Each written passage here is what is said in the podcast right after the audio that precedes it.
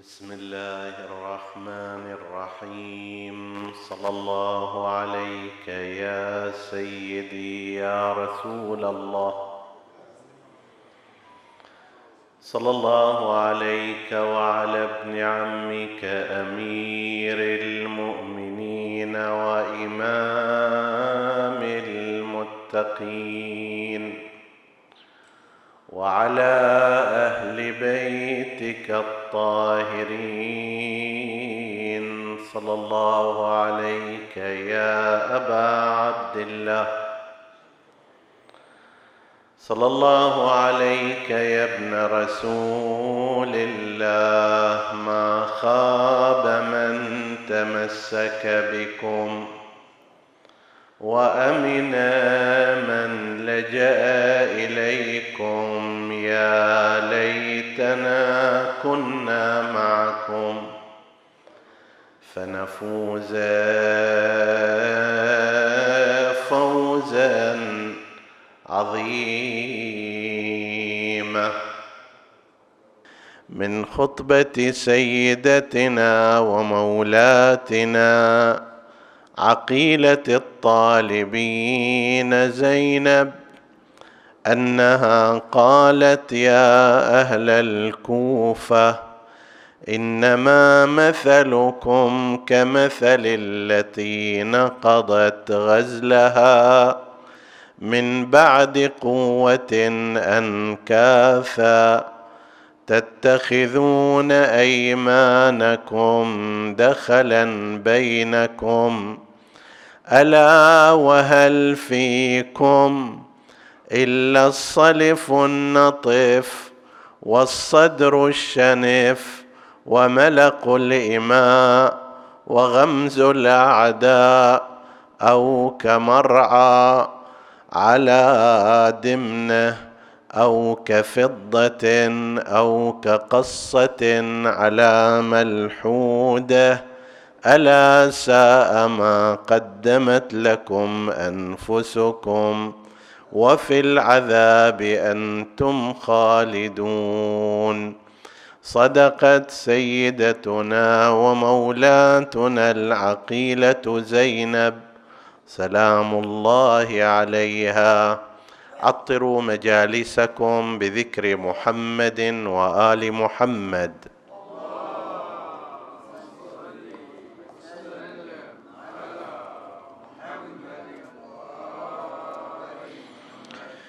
اللهم صل على محمد وآل محمد.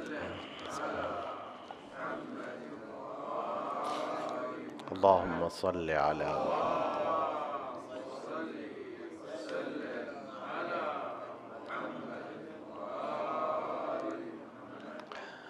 بينا في ليلة مضت أن المسافة التي قطعها الركب الحسيني من كربلاء إلى الشام ثم إلى كربلاء تتوافق تماما مع ما كان معروفا من سير الإبل في اليوم وبالتالي فإن رجوعهم رجوع السبايا إلى كربلاء ضمن إطار الأربعين يوما هو على القاعدة ولا مشكلة فيه. والفترات التي بقي فيها أفراد هذا الركب الاسارى سواء كانت في الكوفة أو كانت في الشام تنسجم مع ما ذكرناه من تقسيم المسافات على مقدار سير الإبل في كل يوم. بعد أن وصل الركب ركب الأسارى إلى الكوفة بقي في هذا المكان في هذا البلد من يوم 12 يوم الأحد 12 محرم إلى يوم 19 من شهر محرم. أي سبعة أيام تقريبا كاملة.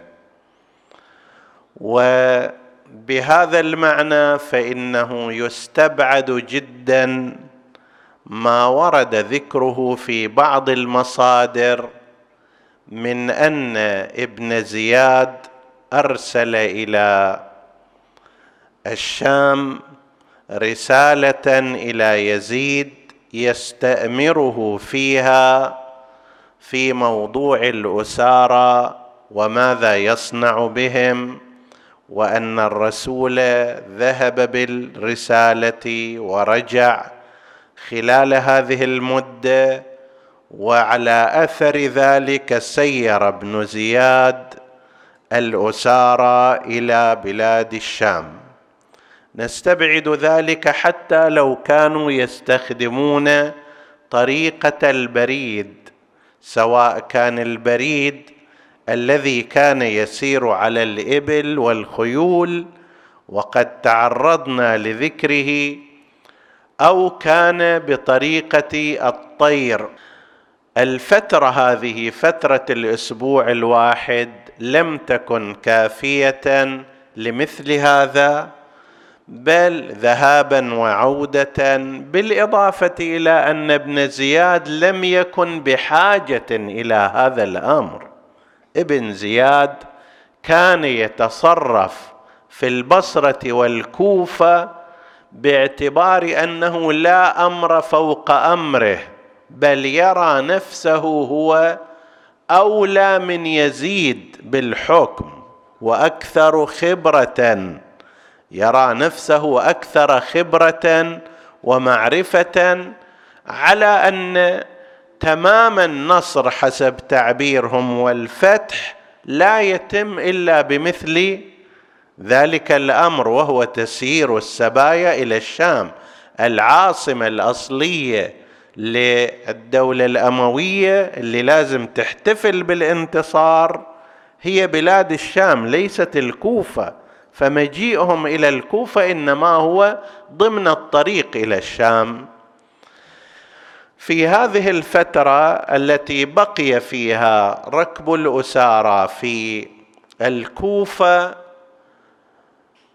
تم إحضار السبايا أكثر من مرة كما تفيد التواريخ ومجرى الأحداث يعني مو اليوم الأول فقط.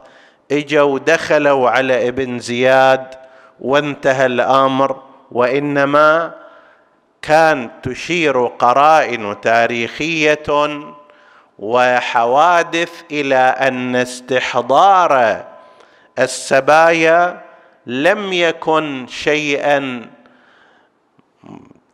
لمرة واحدة وإنما القدر المتيقن منه مرتين والقدر المتيقن منه مرتان وربما يكون أكثر من ذلك.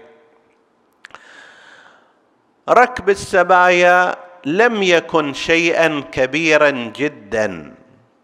لعدة أمور منها أنه تم الاقتصار في قضية السبي على نساء أهل البيت وعلى اللصيقات بهن. وذلك لأكثر من معنى. المعنى الأول أن قسم من النساء اللاتي كن مع أزواجهن في كربلاء وهن كوفيات عندما رجعن إلى الكوفة بشكل طبيعي رجعن إلى بيوتهن وإلى عوائلهن وإلى أسرهن.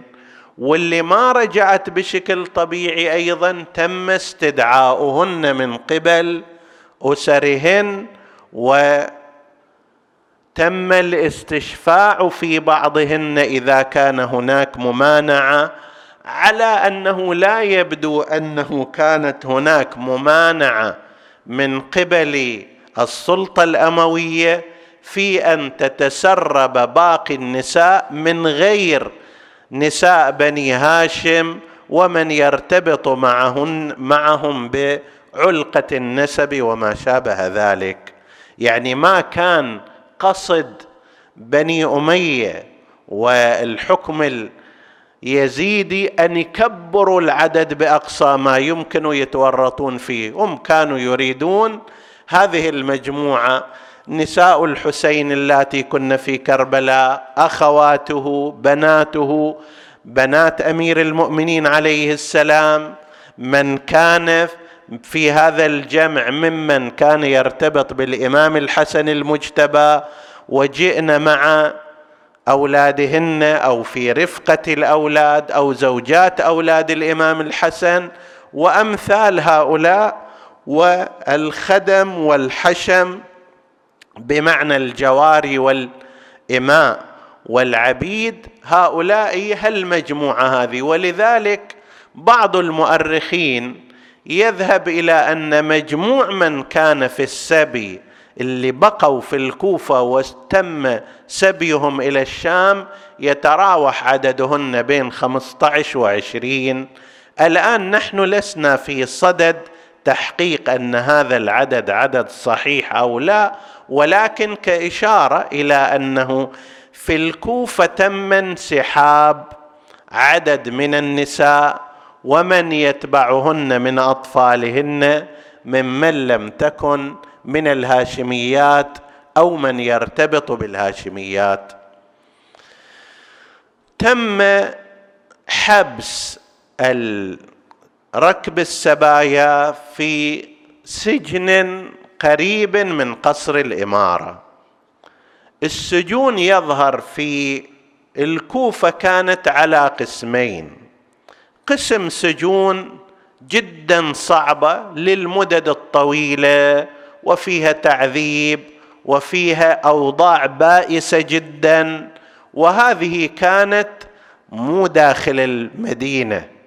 وهناك سجن موجود إلى جانب قصر الإمارة يحتجز فيه من يراد سجنه واحتجازه ولم يكن بطبيعة الحال بسوء تلك تلك السجون ولا كان أيضا بيت وإنما كان سجنا. قد يكون خربا قد يكون غير مهيئ بشكل حسن لبقاء الإنسان فيه.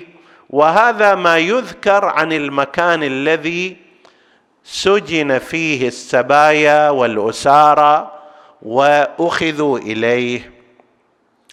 الآن موجود إذا الذين يذهبون إلى الكوفة رزقنا الله وإياكم زيارة تلك الأماكن الشريفة. يوجد خارج مسجد الكوفة وعلى يسار ما يفترض أنه بيت أمير المؤمنين عليه السلام فد مكان يشار إليه على أنه هذا كان السجن الذي يسجن فيه مثلا المخالفون والذي سجن فيه وأسر فيه آه، اسارى أهل البيت عليهم السلام. هذا إلى جانب قصر الإمارة من جهة. كل المنطقة كانت منطقة حكومية حسب تعبيرنا. المسجد قريب من قصر الإمارة وأيضا قريب الآن من بيت أمير المؤمنين عليه السلام. وهذا الذي تم فيه احتجاز وسجن سبايا واسارى أهل البيت ولم يكن مهيئا. ولذلك بعض الذين قالوا ومنهم ابن قتيبة الدينوري وغيره اللي قالوا أنه وأنزلنا في دار ملحقة بقصر الإمارة أو ما يؤدي إلى هذا المعنى هذا كذب. هذا نوع من أنواع تهوين المصيبة تهوين المأساة. دار ملحقة بقصر الإمارة يعني دار ضيافة ولم تكن هكذا وإنما كان سجنا ومحلا يؤسر فيه من يخالف الدولة ومن يخالف السلطة حتى لا يودوهم إلى تلك السجون البعيدة. جعلوهم في هذا السجن القريب وهو بمثابة معسكر احتجاز سجن للاعتقال المؤقت. وبطبيعة الحال سجن سجن هو. غاية الأمر في درجات السوء يختلف. أكو سجون فيها التعذيب جاري سجون لا مجرد احتجاز ولكن مع ذلك هو احتجاز للحرية الطعام فيه ليس موفرا بشكل جيد الظلال وسائر أمور الحياة الطبيعية. فاستقدم الأسارى في ما يظهر من الروايات التاريخية أكثر من مرة إلى مجلس ابن زياد لعنة الله عليه. أول مرة هي كانت عند دخول ركب الأسارى بعدما طيف بهن في الكوفة وقد خرجت للتفرج وفي وقت آخر أيضا تم استدعاؤهن. ولذلك أيضا وجدنا أن الخطب وهناك أربع خطب خطب خطبتها النساء وخطبها الإمام زين العابدين عليه السلام في الكوفة أربع خطابات تمت في الكوفة بعضها في مجلس ابن زياد كما الإشارة إلى خطبة أم كلثوم. أم كلثوم يفترض أنها زينب الأخرى غير زينب الكبرى. تعلمون وهذا أشرنا إلى في ربما وقت مضى في السنة الماضية أن هناك نقاشا بين المؤرخين والعلماء هل أن هناك زينبين وأم كلثومين إن صح التعبير؟ شخصيتين كانتا في كربلاء من بنات أمير المؤمنين عليه السلام أو أن زينب هي منفردة واحدة وتكنى بأم كلثوم. البعض ذهب إلى أن الموجود هو زينب زينب الكبرى المعروفة زوجة عبد الله زوجة عبد الله بن جعفر. واستشهد أحد أولادها في كربلاء وهذه أيضا تكنى بأم كلثوم. هذا رأي. والرأي الآخر ولعله الأرجح أنه لا هناك أكثر من واحدة. هما زينبان ولكن غلب على إحداهما اسم زينب وغلب على الأخرى اسم أم كلثوم وتلك أم كلثوم أصغر من هذه وقد ولدت في السنة السابعة للهجرة وأدركت مع رسول الله صلى الله عليه وآله حدود ثلاث سنوات وهي غير زينب التي هي زوجة عبد الله بن جعفر الطيار. هذه ينقل عنها هنا في الكوفة أنها خطبت في مجلس ابن زياد خطبة مختصرة ليست بمثل تفصيل خطبة زينب عليها السلام ولا بمثل المعاني التي تطرقت إليها زينب الأخت الكبرى لها بل ولا في جودة السبك والأفكار. يتبين للناظر المتأمل أن هناك فرقا بين الخطابين اسلوبا ومعنى وعنون خطابها بعنوان ثم خطبت أم كلثوم. وهذا من القرائن التي يراها البعض في تأكيد وجود أم كلثوم وأنها غير زينب الكبرى. وعلى كل حال فهذه خطبة من الخطب تمت في مجلس ابن زياد. هناك خط ثلاث خطب أخرى كانت في وسط الكوفة في وسط الناس. منها خطبة لفاطمة بنت الحسين عليهما السلام. فاطمة بنت الحسين تحدثنا عنها في وقت في سنة مضت أيضا. أمها أم إسحاق بن طلحة التيمية وكانت أثيرة عند الحسين عليه السلام وهي أم إسحاق أيضا.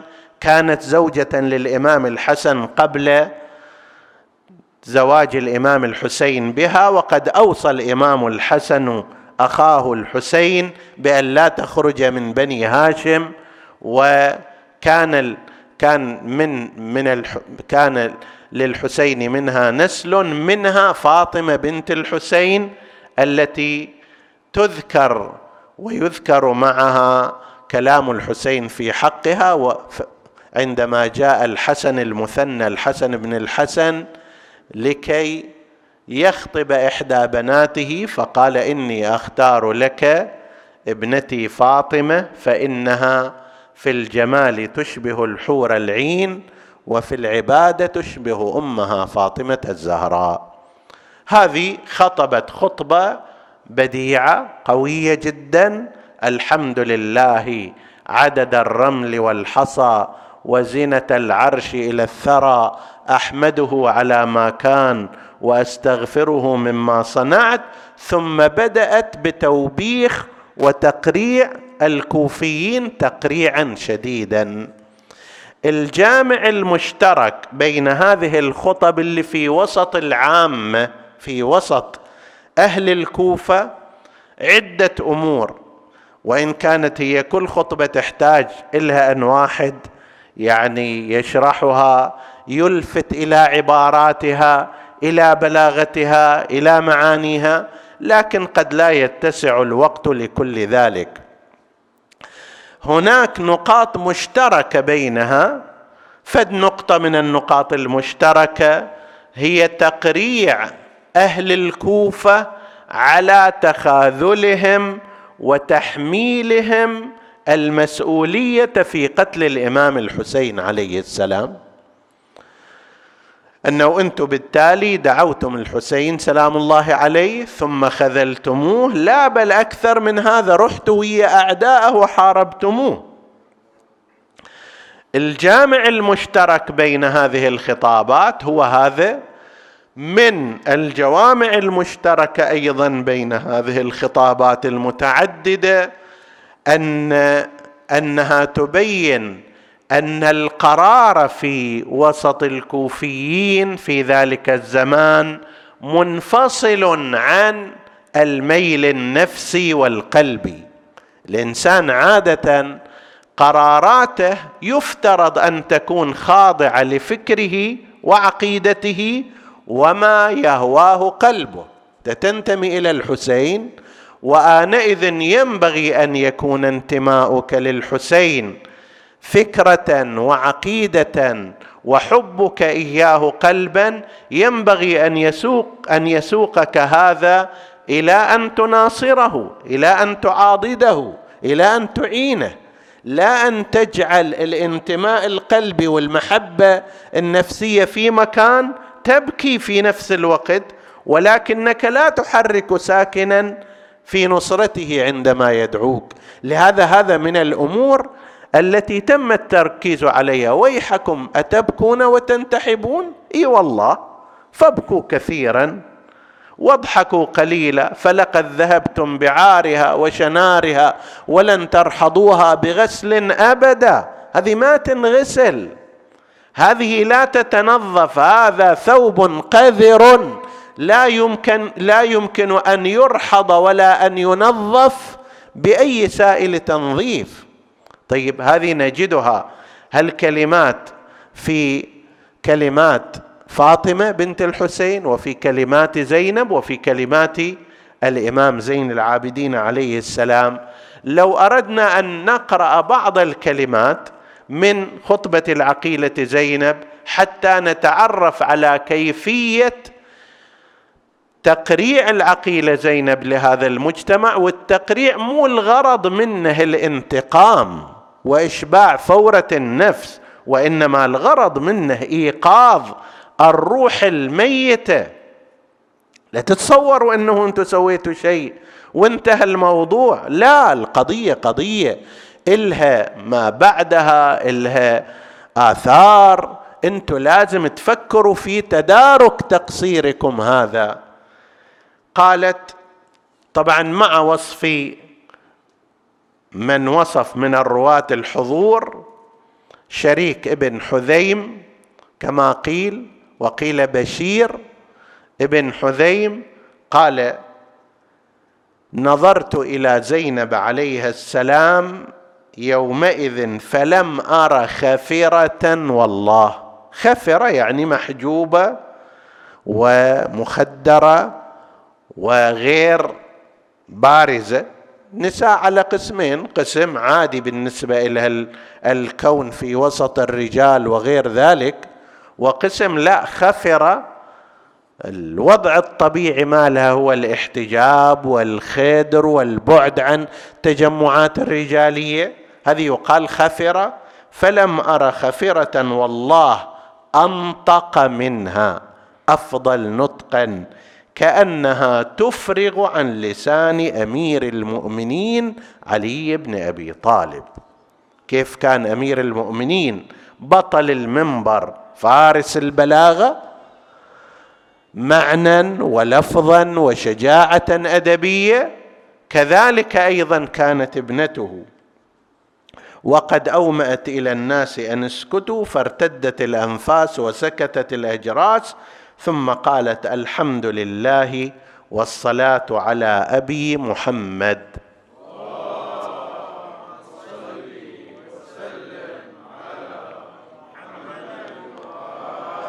ثم قالت يا أهل الكوفة يا أهل الختل والغدر.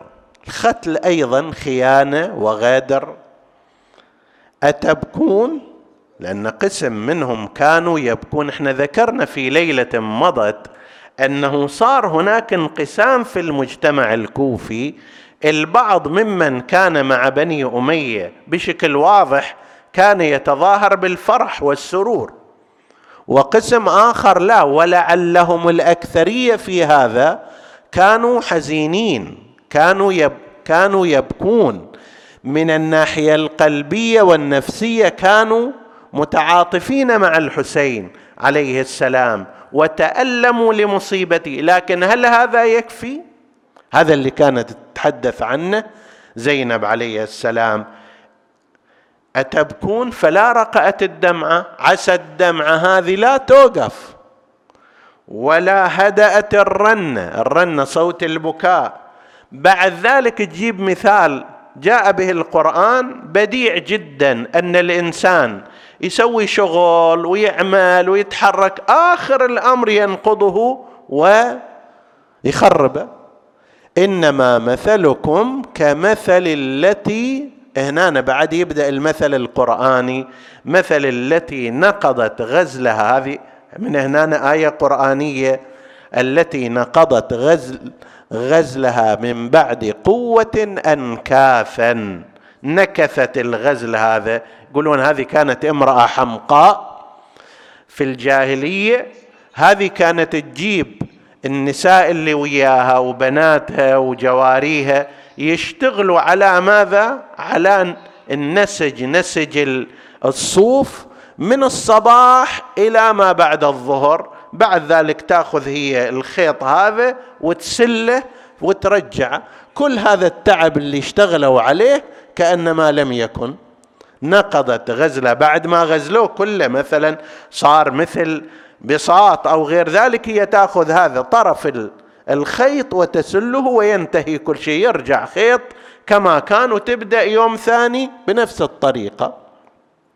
بعض المجتمعات هكذا. يعني تسوي شغل في المقدمات تتحرك تعمل فلان لكن وقت اللي لازم تستفيد من النتيجة تتخاذل وتترك. تتخذون أيمانكم دخلا بينكم ألا وهل فيكم إلا الصلف النطف مظاهر. قسم من الناس يحبون أن يحمدوا بشيء لم يفعلوه. بالعباية مالته وبالعمامة إذا كان معمم أو بالغترة والعقال والما أدري البشت المقصب. ولكن وراه ماكو شغل وراه ماكو فعل يريد أن يمدح بما لم يعمل وبما لم يصنع. هو معيب هو عنده العيوب ولكن مع ذلك يريد أن يمدح على أنه منزه عن العيوب. والصدر الشنف ملق الإماء. شايف الأمة عندما تجي تتملق إلى سيدها وتتماوت وتتخضع حتى بس يعطف عليه تقول لهم أنتم ويا هذا الحكم الأموي هكذا. تحاولوا أن تسووا المستحيل حتى يرضوا عنكم. ومن الأولى لكم أن يرضى الله عنكم أن تتوسلوا لله وأن تتخضعوا لله ولأوليائه الحقيقيين. لا إلى مثل هؤلاء وملق الأعداء و وملق الإماء وغمز الأعداء أو كمرعى على دمنة مكان كله أخضر لكن تحت كل شنو؟ كل غائط. كل قذارات. مظاهركم مظاهر حسنة ولكن قلوبكم ومواقفكم وأعمالكم مواقف سيئة. شنو الفائدة؟ أو كمرعى على دمنة أو كفضة في قول أو كقصة في قول. الملحودة المرأة التي هي ميتة في داخل القبر يخلوا عليها مثلا قلاد قلادة فضة. شي يفيدها هذا؟ وهي في داخل القبر.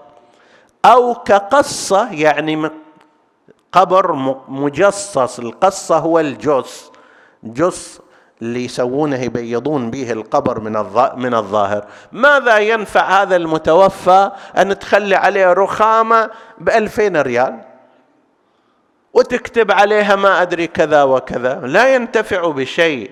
وإذا كان هذا القبر قبر مظلم بأعمال صاحبه ماذا يصنعه ماذا يصنع فيه هذا الجص وهذا الرخام وهذا ما أدري الظلال؟ هذا كله عمل ضائع. ألا ساء ما قدمت لكم أنفسكم وفي العذاب أنتم خالدون؟ إي والله. فابكوا كثيرا واضحكوا قليلا فلقد ذهبتم بعارها وشنارها. ولن ترحضوها بغسل أبدا. كيف تغسلون أنتم هذه الجريمة؟ وأنا ترحضون قتل سليل خاتم النبوة. مو شخص عادي هذا. مو شيء يغسل بسهولة. ومعدن الرسالة وسيد شباب أهل الجنة ومفزع خيرتكم إذا عندكم ناس أخيار يفزعون إليه. وملاذ خيرتكم ومفزع نازلتكم ألا ساء ما تزرون وبعدا وسحقا. فقد خاب السعي وتبت الأيدي وخسرت الصفقه وبؤتم بغضب من الله وضربت عليكم الذلة والمسكنه ويلكم يا أهل الكوفة. أتدرون أي كبد لرسول الله فريتم؟ هذا الحسين كبد رسول الله صلى الله عليه وآله. أنتم اجيتوا وقطعتوا كبد رسول الله صلى الله عليه وآله في الواقع. أتدرون أي كبد لرسول الله فريتم؟ وأي كريمة له أبرزتم؟ هذول بنات رسول الله. هذه زينب بنت بنت رسول الله صلى الله عليه وآله. من كرائم النبوة. وأي كريمة له أبرزتم وأي دم له سفكتم. لقد وأي حرمة له هتكتم. جئتم بهذه النساء يعني بسبب تخاذلكم وتواكلكم. أنتم دعوتم الحسين عليه السلام لكي ينقذكم. وهو جاء لإجل إنقاذكم فإذا بكم تسلموه تسلمونه إلى أعدائه حتى يقتل تلك القتله الشنيعة وتسبى نساؤه. لقد جئتم بها صلعاء هاي المصيبة والرزية ما تتغطى بغطاء. صلعاء سوداء فقماء خرقاء شوهاء كطلاع الأرض وملء السماء. أفعجبتم أن مطرت السماء دما؟ هذا أقدم أقدم نص عندنا يشير إلى قضية وجود الدم من السماء النازل. أكو هناك نصوص حتى بعضها حتى بعضها من قبل بني أمية نفسهم. عبد الملك بن مروان لعنة الله عليه طلب محمد بن مسلم بن شهاب الزهري وهو من علماء مدرسة الخلفاء يعدونه من كبار العلماء حتى قال بعضهم فيه أنه مثلا في زمانه ما على وجه الأرض أعلم من محمد بن مسلم بن شهاب. طبعا هذول ما تعرفوا على الأئمة عليهم السلام وإلا لو تعرفوا على الأئمة كانوا يرون علم محمد بن شهاب الزهري إلى علم زين العابدين اللي هو في زمانه كقطرة في البحر المحيط. فقال عبد الملك بن مروان قال لمحمد بن شهاب الزهري قال له أريد أسألك سؤال وأنت واحد الناس إن أجبت عليه. فقال سل قال متى امطرت السماء دما؟ أجابه فقال عندما قتل الحسين بن علي بن أبي طالب. هذه شهادة من غير خط أتباع أهل البيت عليهم السلام. عبد الملك بن مروان قال له صدقت لكن إن خرج منك هذا إلى أحد قطعت عنقك. دير بالك ترى. إحنا ما نريد تنتشر مثل هذه الكلمات وإن كانت عندك صحيحة بس دير بالك. فاللي أقدم من هذا هو هذا النص الذي تتحدث عنه العقيلة زينب. كأنما قضية أن السماء أمطرت دما. في الجملة الساشقد وين؟ بأي كيفية؟ هل هو دم حقيقي؟ أو شيء بلون الدم. المهم في الجملة تثبت زينب عليها السلام بحسب هذا النص أنه كان هناك إمطار دموي من السماء على أثر شهادة الإمام الحسين عليه السلام. هل كان في كل الأماكن؟ نحن الآن لا نعلم بشكل دقيق. هذا النص لا يقول هل هو في الكوفة؟ هل هو في كربلاء؟ هل هو في الكوفة وكربلاء؟ هل في كل الأماكن؟ لا نستطيع أن نجزم بالتفاصيل ولكن هذا النص يشير إلى أنه حدث هذا الأمر وزينب عليه السلام أخذته كقضية متسلمة. والا كان يقول أحدهم مثلا أو قسم منهم لا ما صار هالشكل. أو وين هذا صار؟ أو عما تتحدثين أو شنو القضية؟ وما كانت عليه السلام مما شأنها أن تكذب لا لأنها فقط صادقة لا وإنما لأن الخطيب إذا أراد أن يرتب شيئا على كلامه لا بد أن يكون متسلما عند الناس. اللي يسمعهم اللي يسمعونه إذا قال لهم شيء مو حقيقي فهذا معناه أنه دا يبطل ما يرتب عليه. الآن هي تقول أنتم تتعجبون أنه سماء مطر الدم؟ لو كان هذا امرا غير حقيقي ما تقدر تستفيد من الجملة التي بعدها. أفرأيتم أو أفعجبتم أن مطرت السماء دما ولعذاب الآخرة أخزى وأنتم لا تنصرون؟ يعني إذا هذا شفتوه وكان هذا إنذار بالعذاب وإشعار بقبح العمل اللي قمت فيه فإنما سيكون في الآخرة أشد وأخزى وأكبر عليكم. إلى أن قالت فلا يستخفنكم المهل فإنه لا يحفزه البدار.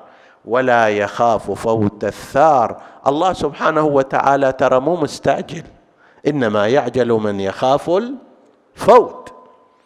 إما الفوت يعني فوته هو يموت أو فوت ذلك الشيء الذي يطلبه.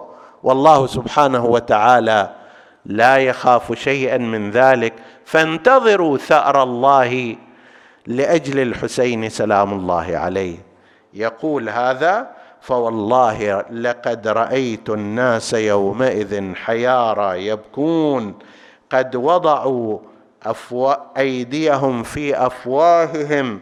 ورأيت شيخا واقفا إلى جنبي يقول بأبي أنتم وأمي كهولكم خير الكهول وشبابكم خير الشباب ونساؤكم خير النساء ونسلكم خير نسل لا يخزى. ولا يبزى. لكن ترى الموقف مهما كان موقف مؤلم للعقيلة زينب عليه السلام. موقف هذه المرأة التي ولم تر حتى عينها ظل شخصها.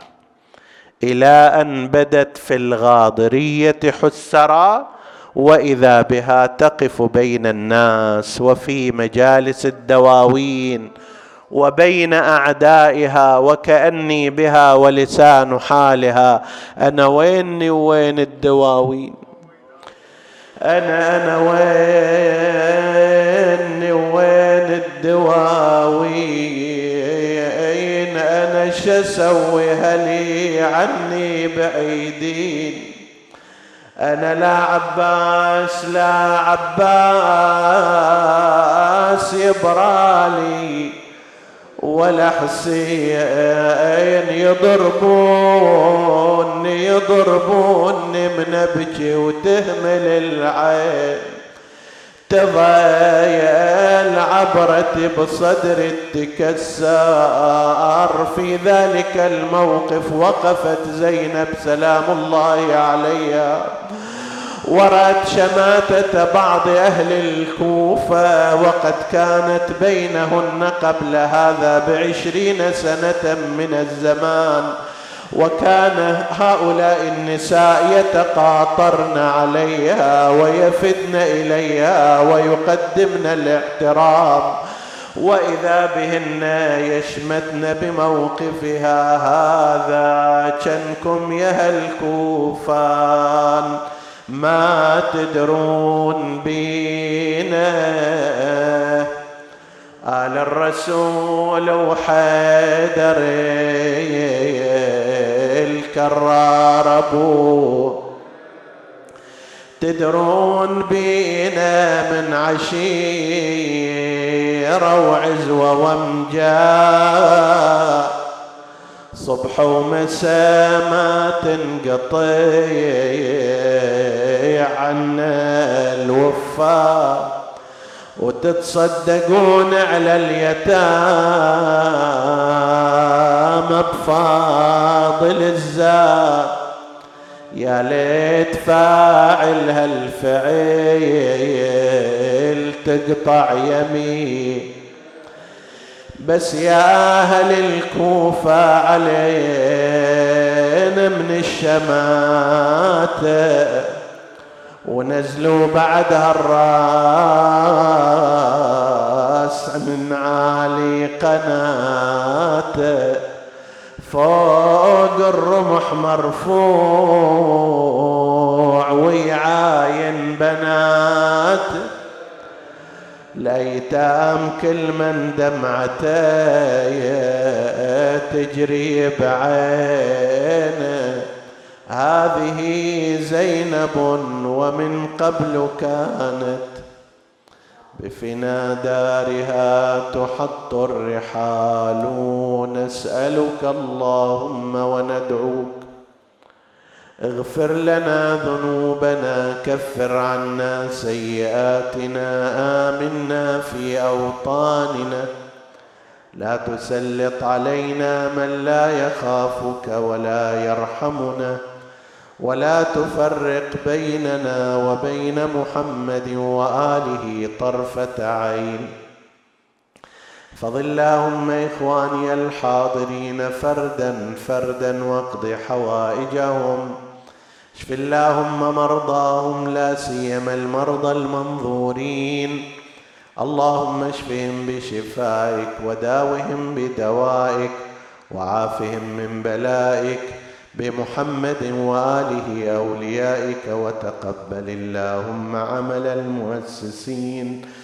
إلى أرواح موتاهم وموتى السامعين نهدي ثواب الفاتحة تسبقها الصلوات.